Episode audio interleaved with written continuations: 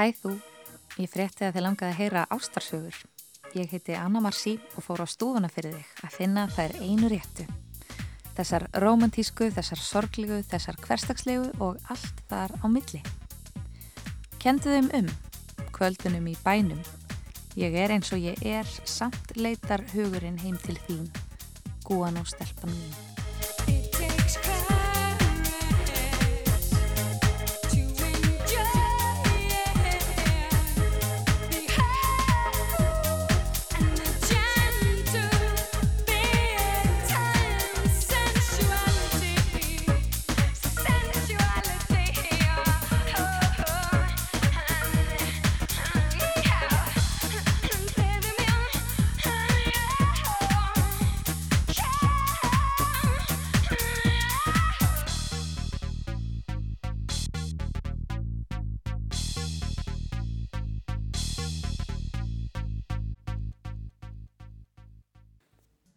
Næsta saga hefst á óvæntum slóðum, þar sem engan myndi ætla að sönn ást gæti blómstrað. Í skíturi, sveittri og sólbrunninni útskristarferð á Spáni árið 2009. Hlustum á Ettu og Steffen. Ég var að útskrifast úr mentarskóla. Fór í útskriftaferð með Vestlunarskólanum til Makarlúf. Típiskur sólalandarstaður það sem fólk er nú svolítið svona mikið að fá sér.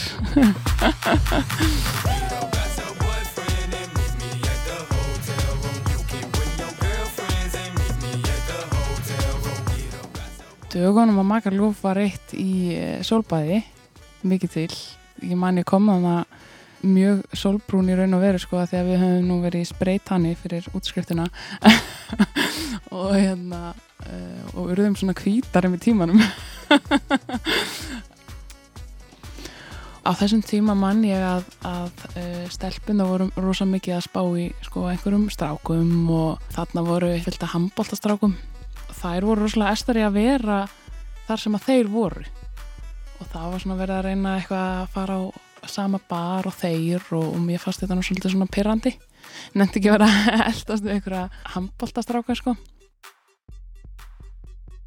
Við vorum á svona langa helgi með allt inklútið og var í rauninu bara að fara skemmt á okkur. Það var þarna bar sem að hétt Den Glaði Viking svona norrætt bar. Þar voru Íslandeganir mikið búinir að vera. Den Glaði Viking var auðvitað staðu sem við eitthvað myndi að dinna á hverja kvöld á hverja tímapunkt. Fyrir um daginn þá hafði fuggl skiti á höfuð á mér það er kannski áhugavert að því að maður verður heyrt að það sé fyrir lukku. Og eftir þá og, það sem að mér fannst vera alveg hræðilegt ég held að þetta var að fara að skemma fyrir mér kvöldi að, að hérna vera með e, fuggla skýta hausnum. E, þá hérna þá fóru við á hann bar þannig að den, den glæði viking þar voru þessir handballastrákar sem að stelpunar hefði verið að eldast við. Það hefði verið að vera mikið umræð á ferðin á að það var eitthvað íslensk skóla á ferðin, með mann segja þannig. Það var nokkað strákur sem var mjög spendu í að sjá og reyna að finna þeim. Svo það hefði reynda ekki text fram á, á, á þetta kvöld sem var síðastu kvöld á okkur. Svo um, það var nú kannski bara svona hefni. Minnir að hafa verið sko mikið að júra á synglegum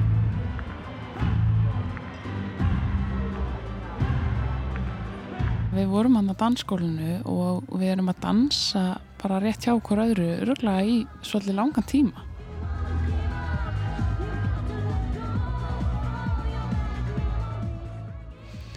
Og svo erum við farin að dansa bara í svona, einhverjum svona ring og, og svo fyrir eitthvað aðsaf ekkur ringnum og, og allt í hennu erum við hérna tvö að dansa svolítið mikið saman bara.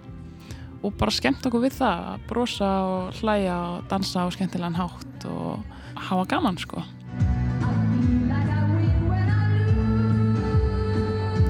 Svo erum við svona aðeins að dansa nær.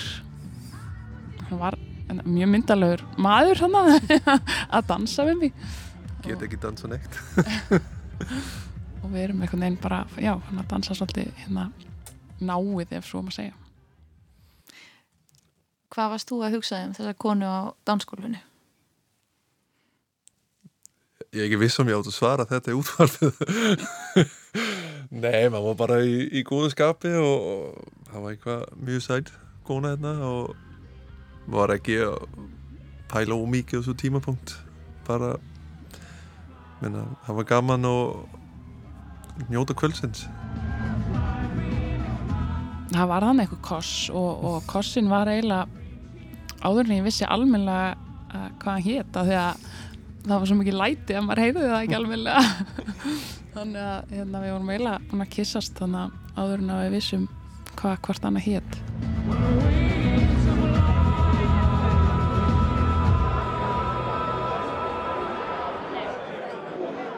Við fórum út og sátum fyrir utan barinn lengi og áttum mjög skemmtilegar og góða samræður og ég held að það hafi verið og er eitthvað sem hefur kannski einkent okkar samband held ég alltaf að, eiga góðar og skemmtilega samræður og fara í svona djúpar pælingar og, og hérna deila skoðunum og við erum ekki alltaf með sömu skoðanir en að ræða þær á málefnulegan og skemmtilegan hátt. Og það var einhvern veginn byrjaði bara strax þetta kvöld. Og ég manna ég satt í, í kjöldinni á honum en hérna ég hafði rosalega mikla ráðgjörði að honum finnst ég nú kannski svolítið þung og, og það væri það væri kannski erfitt fyrir hann að, að sitja með mér með mér svona lengi. Alls ekki. Sem ég líka þurfti að endur tökja svona ja, minnstu kosti tísunum gegnum kvöldið. Nei, þú er ekki að kremja mér. Nei, ég er um ekki að deyja hérna. Það er allt í góðu legi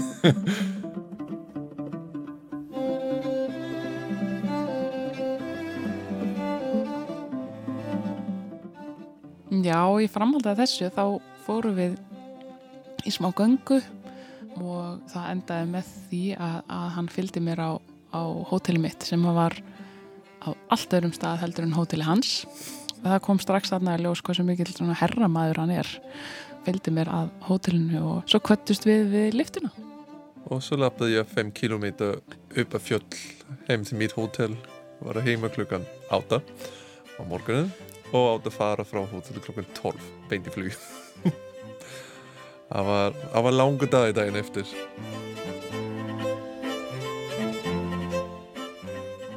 Ég hugsaði eftir þetta að þráttur að það hafi byrjað með fuggla skýta höfðinu að þá hefði þetta verið mjög skemmtilegt kvöld. Það sem ég var að hugsa fyrst og fremst var uh, þetta var mjög skemmtileg menneska sem ég hef hitt. En að samanskapi hugsað ok, nú það, ég er að fara heim til Ísland hann er að fara heim til sín bjóð þá í Svíþjóð. Mm. neða var að fara að flytja til Svíþjóðar bjóð í Danmarku, var að fara að flytja til Svíþjóðar og, og það væri þannig. Og það aftur kannski að fylgja sögun og svo tímapunkt var ég ekki sérstaklega hrifin við að fljúa uh, og það er svolítið langt til Íslands mann segir þannig. Ég var ekki endilega að sjá fyrir mér að það er eitthvað meira úr þessu Svo ég væri nú ekki hugsað miklu lengra út af fjarlæðinni Ég hef alltaf haft mjög gaman á að hitta fólk sem er skemmtilega spjalla við. Það er alltaf eitthvað sem ég teka mikið eftir. En það var vissulega mjög minnistætt og satt í mér hvað það hefði verið skemmtilegt kvöld. Í rauninu það sem ég tók út af kvöld og maður var að hugsa var en í rauninu var mann ekki hugsað miklu lengra en það á svo tíma Við áttum samtöl á MSN um, strax eftir allir það hafi ekki verið bara jafnvel daginn eftir Ég man eftir því hvað ég þurfti að gera til þess að komast í tölvuna. Það var að loka mig inn hérna í andirinu á hótelinu og eiga í rauninni samtal í tölvunni fyrir framann alla sem löpuði framjá. Þannig að það var hérna, ég lagði það alveg á mig sko. Ég átti eftir alveg viku eftir að ferðinni eftir þetta og svo heldur samtalin áfram eftir að ég var komin heim við rættum þetta ekki mikið að við fórum í þetta viðtal hér en um, ég rætti þó það við hann að hann skildi nú kannski ekki alveg segja frá því hvernig samtölun hefði síðan verið hann um sumar eða því að, að því að ég hefði vist ekki verið hérna, alveg nóg kurtis ég hefði e, verið svolítið upptíkin af því að það væri nú svolítið fjarlæg þannig á milli. Og hérna og við gætu nú kannski ekki verið hérna of mikið að eða okkar tíma í, í þessi spjöll. Og ég held að það hafi snúist um að setja upp eitthvað nákvæðin varnavegg að því að samtölum voru svo góð að það er leðilegt að eiga einhver samtöl sem að, og, og hérna finna þessa tengingu þegar maður heldur að það sé ekki að leiða til neins eða geti orðið að neinu. Þannig að það er kannski betra að reyna að hérna, kötta á þetta í staðan fyrir að það yrði að einhverju meiri sem við getum svo ekki einhvern veginn fyllt eftir. Þetta er mjög fallið til að segja þú segir mér bara hættu að tala við mér. Þú býja annar land. Þetta mun aldrei gengu hættu þessi. Þetta var stuttu versjónun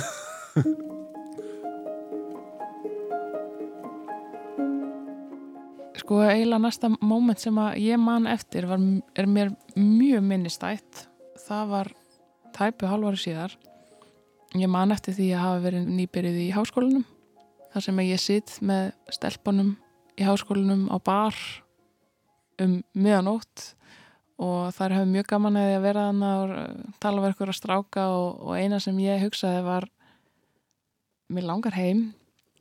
Af því að ég er nokkuð við sem eða vona innilega að Steffen sé á Skype og ég geti farið heim að spjalla af hann. Og fyrir mig var þetta ákveðið móment sem að ég fekk upplýsingar sjálf eða áttaði með á því sjálf að, að þetta væri eitthvað meira heldur en skemmtileg samtöl eða þetta væri eitthvað sem að mig langaði að skoða nánar og, og gera eitthvað meira með. Þannig að ég dreif mig heim örgulega klukka þrjú, hálf fjör og þar var Steffen á Skype. Fyrir mig var þetta einhverjum svona tímapunktur þar sem að þetta komst á næsta stig. Ég skil við heiðri nú að segja að ég á ekkert svona eitt moment sem svona standa upp fyrir mér það bara kem hætt og rólegt.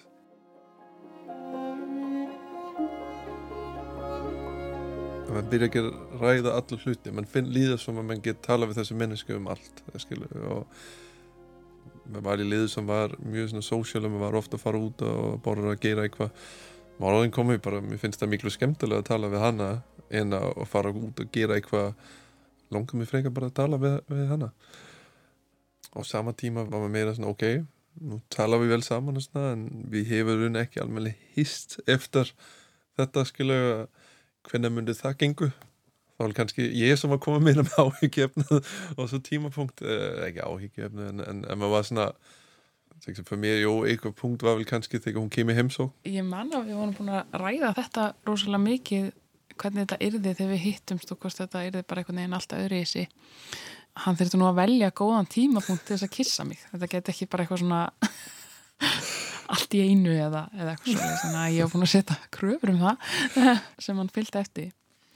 Þegar ég var að segja vinkonum mínum að ég var að fara að heimsækja strák sem ég var búin að tala við ykkur á mánuði að, að ég, viss, ég veit ekki hvert það rætluði þeir eru ekki búin að hittast alminnilega og ætlar bara að fara hana einn og, en það hefur kannski ekki alveg fengið að fylgjast með öllum samtölunum sem að hafa átt sér stað á undan. Heldur meira svona fengið þetta bara beint ég er að fara til útlanda, ég er að fara heimsækja eitt gæja og við sjáumst. en mamma og pappi hins vegar, þau voru bara, höfðu ekkert út af þetta setja, þetta tröst, hvert ég að ég væri að taka réttar ákvarðanir. Þannig að ég fór þannig út uh, vissulega ekki ágjurlaus að ég hafði líka miklar ágjur að því hvernig þetta erði þegar við myndum hittast. Mann tekur þú kem til Svíþjóti fyrstu skiptið var að koma að segja það í Kastrup í Danmörku á flugvöldinu það og við átt að fara í tveika halva tíma lestaferð upp í Svíþjót stressað.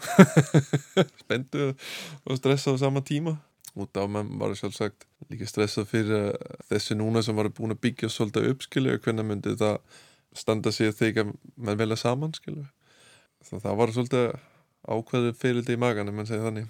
Bæði og góða neikvæðan átt en það tók reynda bara já, 5 minúti, 10 minúti eftir. Neistinn var þarna til staðar. Mér leiði svolítið eins og ég hefði þekkt hann í mörg mörg ár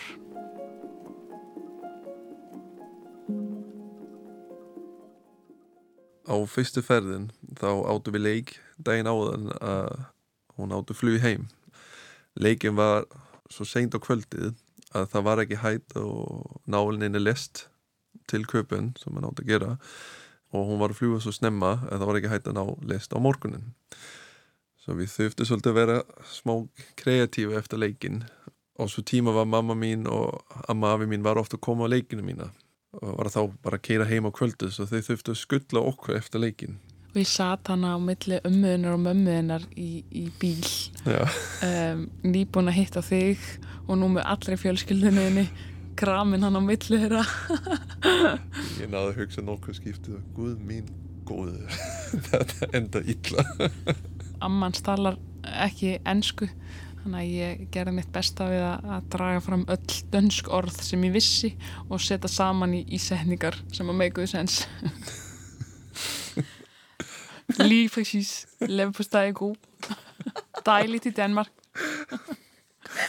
Þetta var mjög skemmtilega og áhugavert að lusta á í framsöðu. Svo var reynda líka segja, ákveðin merki um hvað þetta var stefna út og ég, ég gleym aldrei að daginn eftir þú voru að fara heim svo var ég að tala við afi mín sem ég var mjög nálegt og ég fekk eitthvað skilabóð sem þetta var frábær stelpa ekki klúður af þetta Lige præcis. Leverpostej er god.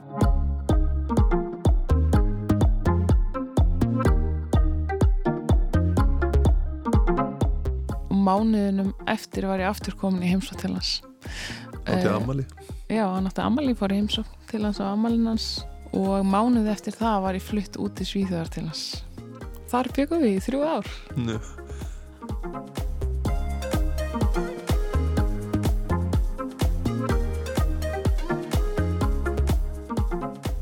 Við giftum okkur svo árið 2014. Það var hjá síslimanni og við erum ennþá að leðinni að halda stórt brúköp og kannski við gerum það þegar að tíu ári eru liðin.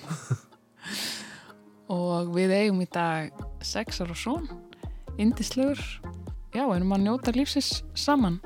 Og njóta þess að eiga okkar góði samtöl áfram og njóta félagskaps hvers annars. Mér finnst það indislegt Mér finnst að lífið mitt ég sjá ekki alveg fyrir mig það geta hefur tekið betra brauting. Þessi útskriftaferð breyti lífuminu og ég hugsa til þessarar útskriftaferðar með já, mér líður vel þegar ég hugsa um hana því að þetta er það sem að stendur upp úr og, og ef ég hugsa um þessa útskriftaferð þá er það eiginlega fyrst og fremst það að ég hafi kynst ástinni í lífuminu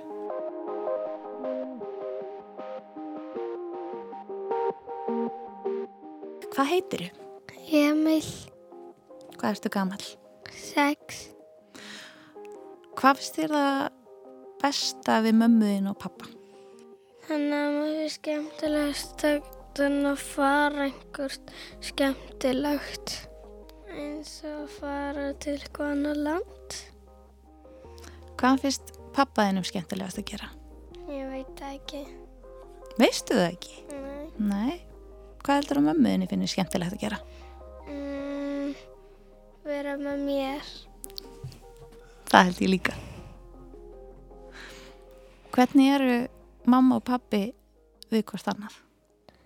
Mm, ég veit ekki hvort að mæna um. Finnst þér þau góð við hvort annað? Finnst þér þau tala fallega við hvort annað? Já. Heldur að þau séu skotin í hvort öðru? Já. Jeg har set det ske alt for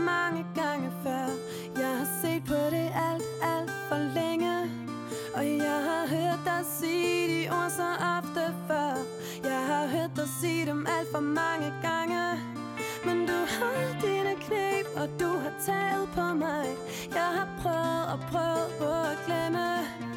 Men jeg er din, og det vil jeg nok altid være Vi tú hörar saman, syngur danska popgiðjan með Dína. Og það gera Edda og Steffen svo sannarlega. Þátturinn verður ekki lengri í dag. Ég heiti Anna Marci og þú getur sendt mér post á ástarsögur at